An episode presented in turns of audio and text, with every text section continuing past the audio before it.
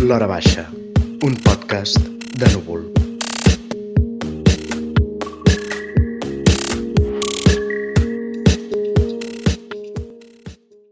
Hola, benvinguts a l'Hora Baixa, el podcast de Núvol que, com sempre recordem, es fa a l'Hora Baixa. I bé, avui, eh, avui ens acompanya en l'Oriol Puig Tauler, el nostre crític d'Arts Vives, que no teatre, que no i la Carlota Rubió, la nostra senyora de llibres. Bueno, però què és el que hem de parlar avui? Hem de parlar de que avui de qui no ens acompanya i que per poc que sigueu subscriptors, seguidors, amants, lovers de núvol, núvolaires, núvolers, núvol believers, és la Clàudia Rius. La Clàudia Rius ha marxat i abans de parlar de res, de cap... O sigui, jo crec que és potser l'esdeveniment cultural de la setmana. Uh, S'ha comentat a xarxes, uh, s'han rebut whatsapps, uh, i, no, no, i no, no només és cultural per això, sinó que la Clàudia ens ha deixat per anar a ser la directora de comunicació del Departament de Cultura. Tot és cultura. Estem molt contents i molt tristos alhora, no? És Exacte. una mica sentimientos encontrados, que diu. Per resumir-ho amb el tuit de, el nostre tuit de núvol, ara som oficialment l'ex de la Clàudia. Sí. M'ha trencat el cor aquest Twitter, sí, realment. sí. Sí, no sé, no sé, nois, jo crec que està bé que, que, que en parlem una mica, perquè al final, vull dir, Mira. estem, ens trobem així, no? Així que dius... Per mi la Clàudia, la Clàudia és núvol, per mi la Clàudia. Aviam, núvol mm. també és moltes, moltes altres coses, també pots dir. El Puigtovell és núvol. Jo quan vaig entrar a núvol, fa molts anys, com a col·laborador, i llavors quan la vaig conèixer, que és quan núvol estava a VilaWeb, allà en el coworking... Sí, sí, una uns taula a- al costat de VilaWeb. Fa uns anyets.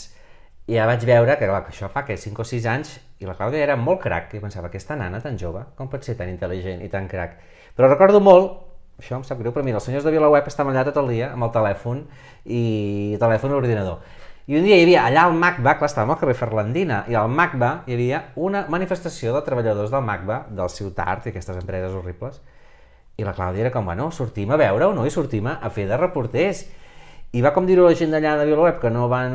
No, no, no, nosaltres ens quedem aquí mirant l'escena. I vam, mar- vam sortir, la Clàudia i jo, i vaig dir, hosti, que guai, clar, sí, vull dir, que guai aquesta tia, i a més, cony, vull dir, jo em sento com molt orgullós, però no sé vosaltres, però també una mica de, amb pena, perquè dius, hosti, què farem sense ella, no? Tu què, en Carlota? Tu... Clar, no, jo vaig veure diferent, perquè jo ja vaig venir aquí i vaig fer les pràctiques aquí, i la, clar, la Clàudia era la, la jefa, se seia allà on està la càmera, era Sí, el seu, el seu raconet, És el cap si de taula. és com si ens mirés la Clàudia. Exacte, el, el punt de vista és el mateix. I, i sí, he de dir que d'entrada feia una mica de por, perquè jo pensava que era una tia sèria, seriosa. I no és que sigui una tia seriosa, és que estava tan enfeinada que realment Ara. estava en el racó fent la seva feina, perquè al principi sí que pensava, ai, ai, com aquesta noia tan seriosa que, que, que, no, no, no parla molt d'entrada, no sé què, però no, evidentment no. Evidentment estava, estava gestionant la cultura des del seu racó de la taula. Sí, això que fa gestionar la cultura, no? I crec que una cosa que ens ha passat a tots ens fa pena no només per nosaltres, sinó perquè es perd una, una veu en la conversa catalana. Vull dir, la Clàudia feia moltes coses, ha impulsat Gent de Merda, un dels podcasts de més èxit, el podcast de més èxit de, en català pràcticament de- d'aquests que no són recurs reciclats la competència i tot això, sinó un, i un podcast diferent, un podcast millennial, que és gent de merda, que ja sabeu, l'ha impulsat el canal Malaya, uh, el seu Twitter, el que ella feia, Uh, per mi també té molt a veure amb... Ella portava la secció d'art, que potser, no el més, potser això era el que més militarment reivindicava i el que menys gent l'aplaudia, però una cosa que feia era algo tan important com en un món tan uh, desmemoriat com és el de l'art mateix, sempre posar-li la perspectiva del català, de la llengua, mm -hmm. de la història de l'art catalana, era alguna... Que, que anava a aquests llocs i sabia fer les preguntes adequades i, i clar, tot això es perd, esperem que hi haurà fitxatges, no? que no es perdi, que es transformi, però la Clàudia serà insubstituïble i totes aquestes coses que feia de portar la cultura des del seu seient, la cultura catalana, les, uh, les passa fent d'una altra manera. Llavors, uh, bé, no sé, des d'aquí crec que li desitgem, doncs, evidentment, el El millor. millor. Ha de quedar clar que, que això, vull dir, això com a periodistes ho sabem, no? O estàs a un cantó o estàs una mica a l'altre i les feines ten- tenen exclusivitats i un cop ets director de comunicació, doncs és és una feina molt exigent, molt això, i no sabem si tornarà. Sempre té les Bueno, portes ja, molt obertes. ja ho veurem. No, i a part de la, de la, de la secció d'art, que, que evidentment... Bueno, va- li van donar el premi l'Associació de Crítics d'Art de Catalunya, vull dir que... Sí, és sí. que l'acostava És que- molt bé, l'acost, Clar, no? Perquè clar. Sí, sí. coses molt conceptuals a vegades i, i com difícils d'entendre, feia una... Jo crec que anava molt bé que, com que no venia de fer història de l'art i això, sinó que tenia una mirada més des de fora, des del periodisme, l'explicava, l'explica molt bé Sí, sembla que estiguem parlant com si Ai, sí, està viva, està bé, eh? Està bé, viva, està viva. estupenda. No la truqueu ni li envieu whatsapps, que està molt atabalada. Sí. I també vull dir que a part de, de les galeries o el tema d'art, el que fa molt bé la Clàudia és crear temes o inventar, bueno, inventar-se, mm, distingir quins són els temes, això, de llengua, de eh, audiovisual català, de TV3, que hauria de fer TV3 amb la llengua, els joves, i, i bueno, ha creat també molts debats, crec jo, no? encara que sigui no un bon petit de la tuitosfera catalana, Sí, ha sí. creat molts debats. Jo he vist un, un tuit avui de la Paula Carreras, que fa gent de merda amb ella, que deia um, diu molt, diu molt d'ella si tothom del sector se n'està alegrant de veritat. I he pensat, realment és això, perquè Sí. a Twitter avui tot el rock un bol i tothom està molt... Sí, sí, sí. I diu, vull dir, és indicatiu de, de, de la tasca que fa. Sí, per, per núvol, o sigui, tenim aquesta tristor de perdre-ho i sobretot una amiga, perquè també una cosa que feia tot era potser el que ens unia a tots, tot passava per la Clàudia. Ella era la persona que enviaves un WhatsApp abans d'enviar un WhatsApp al, al grup gran de WhatsApp. Era una... Hem compartit moltes nits eh, extra hora baixes, de l'hora que ve després de l'hora baixa, no sé quina és, però... L'hora bruixa. L'hora bruixa, doncs ja ho tenim. L'hora de les bruixes. Efectivament, i la Clàudia, a més, és que vivia a prop de Núvol, vull dir, era, era, era fins aquest el nivell de... La Clàudia representa entrar als seus dominis i, tan contents que hi entràvem.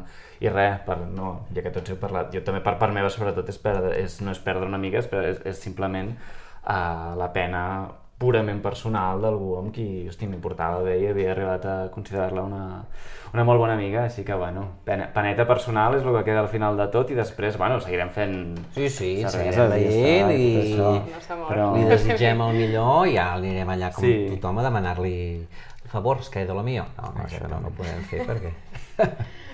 Pobre. I que no bé. li faci això a la gent. No, no.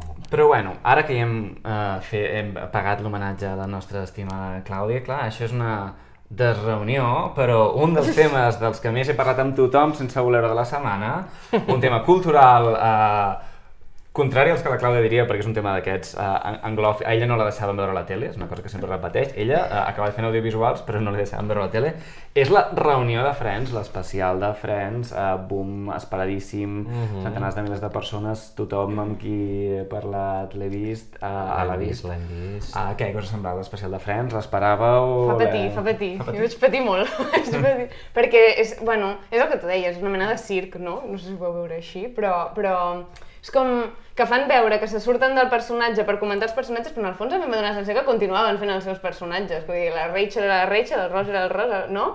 Sí, I... sí.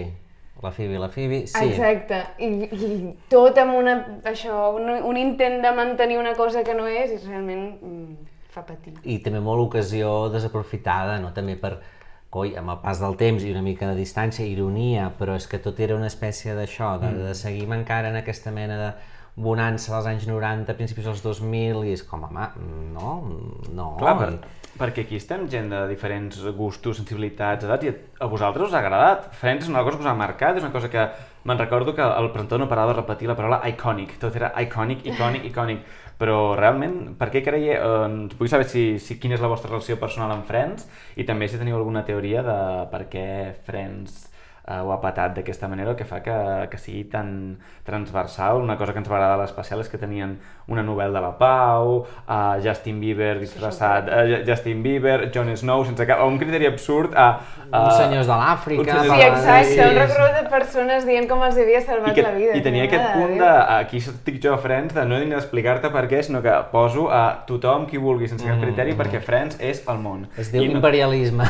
imperialisme Yankee. però, però fort i um, imperialisme volgut, vull dir, tota aquests, eh, aquesta gent de tots els llocs del món molt contents d'haver estat conquerits per Friends explicant uh, que Friends els havia pràcticament donat sentit a la vida. No sé si donava sentit a les vostres vides Friends o si teniu una relació més tèbia, més forta més... No, jo, bueno, el vaig començar a veure quan la van començar a fer aquí, als anys 90, a vosaltres som molt joves, no havíeu nascut, i ho feia al Canal Plus, en obert.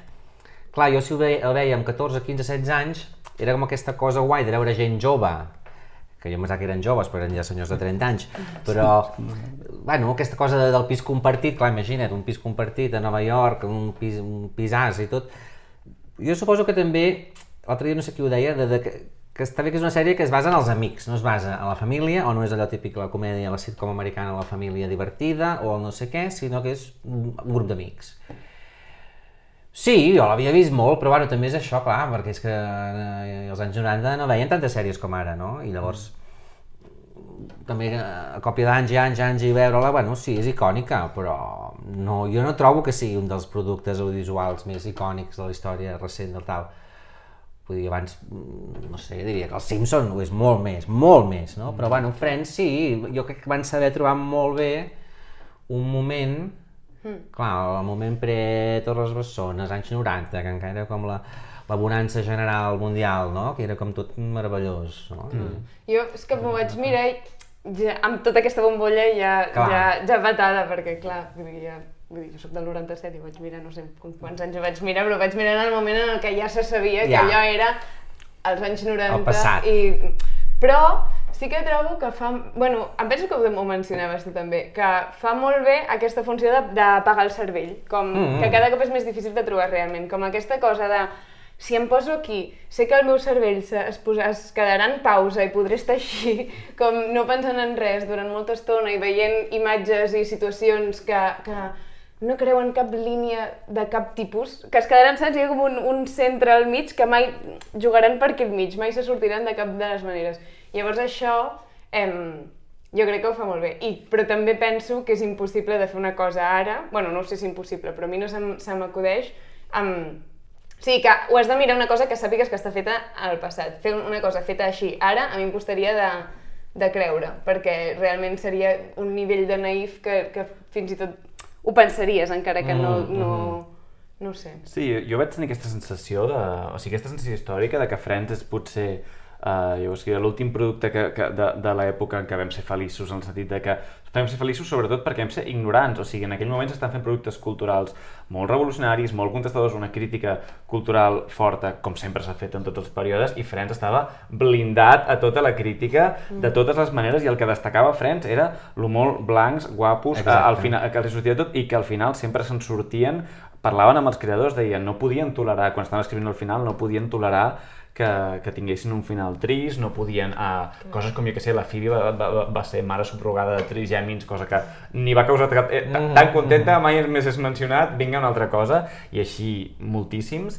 I, clar, Friends, o sigui, jo trobo que la gràcia que, és que podia fer això perquè, en certa manera, clar, el món una mica... Mm, responia, o sigui, clar, generalment hi havia un creixement econòmic, hi havia un previ, tot això que has dit de les Torres Bessones, hi havia una bonança real 90. i la sèrie su- surfejava fortament sobre aquesta bonança. Clar, jo entenc que l'entreteniment això sempre, o sigui, la ficció sempre té aquest punt crític i ara les ficcions que s'han fet després, tipus Big Bang Theory, How I Met Your Mother, Modern Family que han ocupat, estan obligades a, a, a el que has dit tu, no? a, a ser més iròniques, a tenir més distància, perquè el món ja no, ja no acompanya, encara que puguin, que puguin fer aquesta funció d'entreteniment. Jo crec que allò era una concatenació, no? com una mena de, de, de suma de factors que feia possible ser tan naïf, amb tant de riure, tothom tan content, i que quan la història no t'acompanya passa a veure's el llautó. I per això també penso que, clar, que el festival, ai, l'especial, era el problema, o sigui, l'especial el que feia era intentar preservar Exacte. la memòria d'allò que ningú pugui entrar-li, perquè, o sigui, ningú podia fer cap pregunta incòmoda. No com si podia no dir hagués passat res. tampoc les Torres Bessones, com si no hagués passat res en el Clar. món. Només que ells estaven, ells, més grassos i més vells, i elles mm, més primes i més Iguals. operades. Sí. O, no? El Sí, cas sí, de la... sí. Hosti. No, no, sí, això- sense, i blanquejant les coses, una de les coses que s'ha dit més de Friends és que, vist en perspectiva, hi ha bromes homòfobes, hi ha bromes molt masclistes, no sé què, i què fan? Se'n van a fer un recorregut pel món i posen parelles homosexuals dient Sí. a nosaltres ens va anar molt bé perquè llavors vaig aprendre a demanar-li Sí, sí. el matrimoni. És com, era el moment, és el que tu deies, era el moment Clar, de, de, clar. de fer una broma. No passa res, perquè era aquell moment. Jo tampoc crec que s'hagi de fer una cancel·lació Clar. molt forta de Friends, però, no, però digue-ho. ho hem de cancel·lar tot, sí, sí.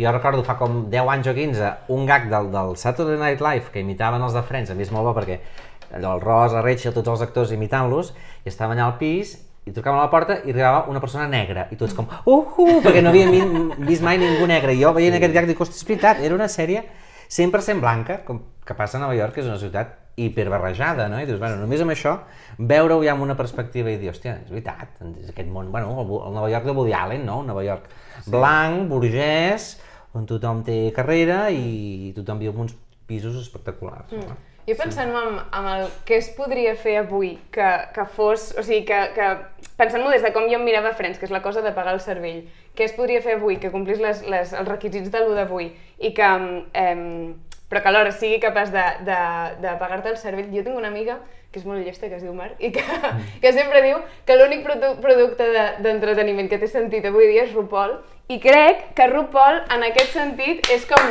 el, Sí, el, sí, la cosa, sí. perquè és com, té totes les capes de meta que Sí, necessites, sí. i a part t'apaga el cervell, o sigui, té tot, perquè té com la ironia, però també té la crítica política, perquè és molt polític, o sigui, fan de... jo no he vist cap estatunidenc criticar el sistema com a RuPaul. I a part, et distreus i t'ensenyen els I a outfits. més, o sigui, per mi és el, és el show d'entreteniment definitiu, perquè uneix un talent show d'actors, de cantants, de models, de gent que fa roba, de gent que fa... I són, com que són yanquis, són tan bons que Mm. saben cantar, saben ballar, saben improvisar un monòleg, que és increïble. No, no, per mi és veritat, RuPaul és el show definitiu en quant a entertainment, no? De Mm. El que, el que la meva amiga deia era que, o sigui, això fa un podcast, el, el, estic fent aquí la falca Sí, sí, bueno, el Weekly home. Review, escolteu-lo, però ella el que deia és que ara tot es basa en el, en el hate watching, li diu, com que qualsevol cosa que mirem ara només la mires per enfadar-te, per bueno, el que tu deies, la crítica, i això és, RuPaul està en una bombolleta que sap salvar-se de tot això i, i a part ser com un, com un bon producte. I a més jo vaig fer un article Núvol sobre el RuPaul fa ara, no sé, un any o dos, que era tot, el- em sembla que es deia tot el que podem aprendre de RuPaul. Perquè a part de ser un show super ben fet i super... i un passoteta, té aquesta part política, Clar. té aquesta part reivindicativa molt ben feta, que t'ho està colant amb un producte d'entreteniment de masses. I només cal dir que RuPaul s'ha fet a Canadà, a Holanda, ara s'ha estrenat la primera temporada a Espanya, vull dir, és una franquícia que està anant per tot el món. Quant de temps fa que no podem veure una sèrie a TV3 i una, una ficció de producció del prime time i riure una mica, tenir una funció aquesta de ciment cultural, no? Vull dir, l'únic ciment cultural que hem tingut és Crims, però clar, perquè Crims és barat, Crims no requereix actors, no requereix producció, requereix narradors i recreacions. Clar, l'última vegada qui va ser? Amb Joel Joan. Ho sabem tots que Joel Joan és una cosa que ens fa riure al prime time de TV3, però a diferència dels Friends, que és una mica que l'article, ja ha passat per totes les fases. Ell Sí. va copiar Friends en plats bruts, va copiar el dramedy de la porca misèria i va copiar l'autodeconstrucció definitiva amb el crack i una mica jo em sento com a visió, com a espectador català eh, com fent la dansa de la pluja veiem que si Joel Joan podrà portar-me una mica de, de riure d'alguna o, o forma no cal que sigui Joel Joan. o si l'Atcorpo obrirà Clar. a algú que no siguin Si fa 20 anys vam tenir sempre. Plats Bruts, Jet Lag, que estaven molt bé, eren Molt bé. sitcoms molt... Vull dir, no? Qui, qui, qui... I llavors hi ha hagut aquests tipus drama, no? Aquestes Clar. sèries que estaven molt bé, però que no és ben bé una sitcom, perquè clar, també avui en Sí. dia, l'any 2021, fer una sitcom... però que no la va produir TV3, la va, Exacte. la, va, la, va, la va produir Televisió Espanyola, el Play, i Plays. TV3 no va posar ni un cèntim. Clar, vull dir, per això dic que obrir TV3 ara és una cosa important, que, que ara que fan la reunió de Friends, jugava a imaginar, no?, l'article de com seria la reunió de Plats Bruts. Sí, que deies que faria el Joan és la Jennifer Aniston, no? Sí, deia jo, el Jan és la Jennifer Aniston perquè eh, ell segueix igual de guapíssim, igual I d'estupendo. la Phoebe és l'Emma, evidentment, la. Mònica clar. Efectivament, i perquè Catalunya projecta els seus traumes sobre Joel Joan uh, i després hi entrem a discutir com Joel Joan ha metabolitzat uh, aquestes expectatives culturals de Catalunya. En Joel Joan és una persona que estima bastant el núvol, com a la nostra amiga Sandra. El Sandra una, és una més ex molt de fan. núvol ens mataria Té si una diguéssim samarreta, res dolent. té una samarreta, i Té una samarreta. amb la cara del Joel. Sí, li vam regalar nosaltres. Sí, Ah, vale. efectivament. Però bé, sí, no, que, que tenim ganes de riure amb la sèrie Però de l'altra TV3. cosa seria això, vull dir, el, el riure enllaunat, no, avui en dia, ja Clar, no s'utilitza, no? no. I, i aquest, aquesta reunió de Friends era una mica com si encara estiguéssim en aquest món Sí. pre-Covid i pre-tot. Sí, he vist TikToks en els que els hi treien el, lliure, eh, el riure Ah. enllaunat i feia angúnia. Ah, no, esclar, Era molt deu ser incòmode. molt sigui, les converses i les cares de tots Deu així estirades sense... Uf! Molta Sí, angúnia. sí. Però alhora és veritat que TV3 no ha aconseguit obrir a cap... Eh, re... O sigui, ara TV3 està captiva d'una altra cosa, que les últimes d'humor que s'han fet, que són Benvinguts a la família, no sé si tens mm. recordeu, que, mm. vull dir, aquestes que tenien eines per ser-ho, però Sí. estan tan obligades, sembla que tota la sèrie, igual que les de l'Hockey o Moebius, estiguin fetes primer amb una graella de les coses que han de dir Mm-hmm, i després intentar omplir-les molt forçadament que no es permet que, que emergeixin talents i tot sembla, sembla que totes les sèries es venguin com a refregits i combinats de nous èxits quan la gràcia d'aquestes sèries va ser ep, aquí tinc una idea. O sigui, des d'aquí uh, volem idees. Volem feina. Volem RuPaul. Volem a- RuPaul. Volem RuPaul a Sí, TV3. Que han de Avui he tuit d'algú que deia que si hi hagués RuPaul, això del Rupit, com es diu? Rupit deia, baixant de la font del drac. Exacte. Que tenia Baixant una drac. I els hi han de fer el challenge Núria Feliu, challenge Guillermina Mota... Clar, clar, clar, això seria meravellós. Sí, sí. Per favor. A veure. O qui sigui el pròxim o pròxima. Uh, així, bueno, podem, a part de la reunió de Friends que hem tingut aquesta setmana, uh, que és gran hit cultural, més coses que hagin passat aquesta setmana. Va, doneu-nos material de l'hora baixa. Tu has estat a Igualada, no? Vaig estar a Igualada, poble de la Lloll, a província i comarca de la cèlebre Clàudia Rius, que és de Capellades, museu Molí Paperer, i a Igualada vaig estar a la mostra de teatre familiar, que dius, penses, oh, teatre familiar, titilles, putxinelis, i he vist mm, serres mecàniques, eh, que he tingut una a 5 centímetres del nas, he vist contenidors cremant, no, no, he vist coses molt interessants. I de fet, Igualada és un dels sis mercats estratègics de, de la cultura, a la gent, no? a Tàrrega, Igualada, Vic, amb la música, i no, jo sempre dic el mateix, que jo sempre em repeteixo els articles, doncs el teatre modern i el teatre familiar català és el que roda més pel món, per l'estat, pel món i part de l'estranger.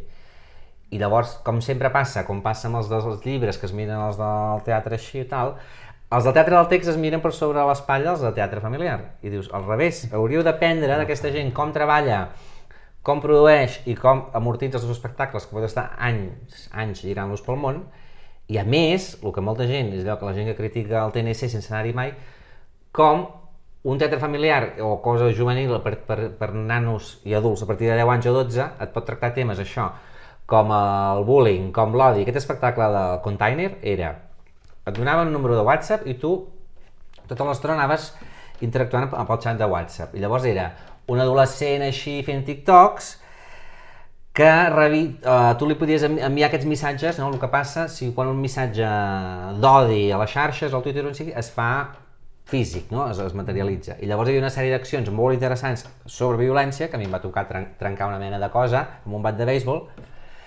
per veure això, de quina manera mmm, la violència que portem tots a dins, primera, és molt contagiosa, perquè aquesta cosa, no? de les masses, que és molt fàcil contaminar-nos, i de quina manera tots, ja hi ha una cosa molt interessant que ens van passar, que em sembla que es diu Odiòmetro, en castellà, és una, és una web que vas veient en castellà tots els, els tuits que s'estan fent en aquell moment, amb insults, en tararà, i que és una cosa molt gràfica perquè vas veient pa, pa, pa, pa, pa, la quantitat d'odi no? que està corrent per les xarxes infinitament. I bueno, vaig trobar molt interessant això, i vaig titular el meu, la meva crònica eh, això, rialles, violència i containers, perquè, hosti, mm, està molt bé que també que el teatre en general ja fa un temps que és que no hi ha alternativa, que està anem molt tard amb tot, però estem ja per fi mm, introduint temes, introduint reflexions que està al, al carrer, doncs que millor que el teatre per tots els públics i familiars també estigui introduint aquests temes. Un espectacle, La motxilla de l'Ada, que em va parlar l'Oriol Ossan, que no parla de l'Ada Colau, perquè jo vaig pensar aquest, aquest nom Ada, Ada tots pensem en una Ada, però bueno, és un espectacle familiar sobre una nena trans, que es deia Adam i ara es diu Ada. Hosti, està molt bé, això, que el teatre per tots els públics també estigui dient, eh, aquests són els temes, per tant, aquests temes han d'estar en escena, no? Vull dir, els refugiats, Sopa de Pedres, d'Engruna Teatre, que ha guanyat un premi molt important, parla sobre una nena refugiada que arriba a Europa, vull dir que, que no, que visca el teatre familiar, que jo estic molt a favor. I, Que... I quin tipus de públic hi havia?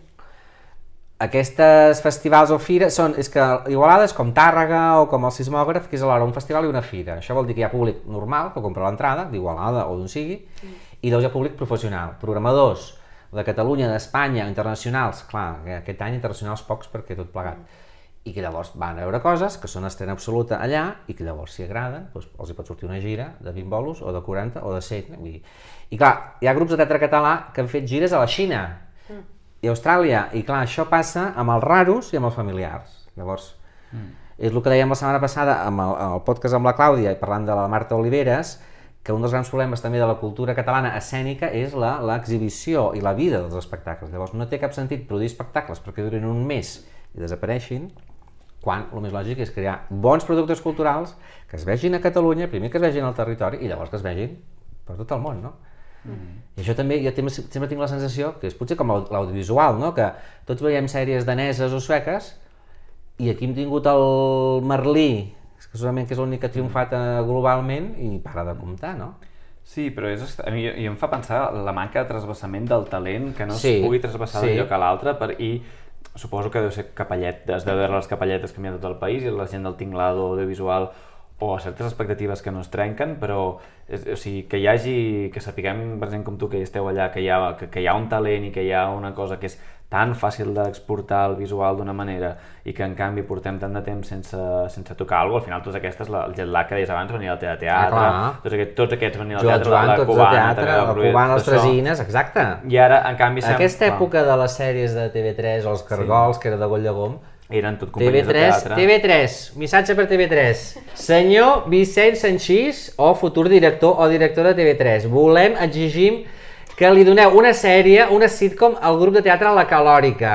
Perquè si les grans sèries catalanes les han fet La Cubana, Té de teatre, de Goll de Gom, eh, La Calòrica ha de fer una sèrie, ja, l'ha de fer ja, oi que sí? Vull dir, sí. Sí, sí, estem completament d'acord. Ens hem passat al contrari, no? Durant un temps era, oh, la tele és massa teatralitzada, no ha servit per res, eh, la tele ara ni té el bo del teatre ni el bo de, ni el bo de l'audiovisual, per tant que vagin el talent i si el talent està allà on sigui, però el teatre clarament n'hi ha i estàs aprofitat, eh, vagin La corrent. calòrica. De què parlem mentre no parlem d'aquesta merda? Va triomfar el TNC, ha triomfat fent gira per Catalunya I torna, i, ara, no? i ara estarà tot el, juliol, tot el juliol al Poliorama. Per tant, de què parlem mentre no parlem d'aquesta merda? Em sap molt greu, però és que jo he de marxar perquè vaig al teatre literalment, per tant, no sé si voleu seguir o... No, ja ho podem donar per deixem, avui, sí. dia. Així que bé, gràcies per escoltar-nos, Gràcies. estimats oients. Això I un petó a la Clàudia. Tota la Clàudia. Trobem molt a faltar Allà la on siguis, Clàudia. fins a casa, eh? que està bé, que està viva, eh? està viva, no?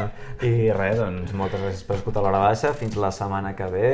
Um, aquí amb vosaltres l'Oriol Puigtauler, la Carlota Rubio i el servidor Joan Bordeus. A reveure. Adéu.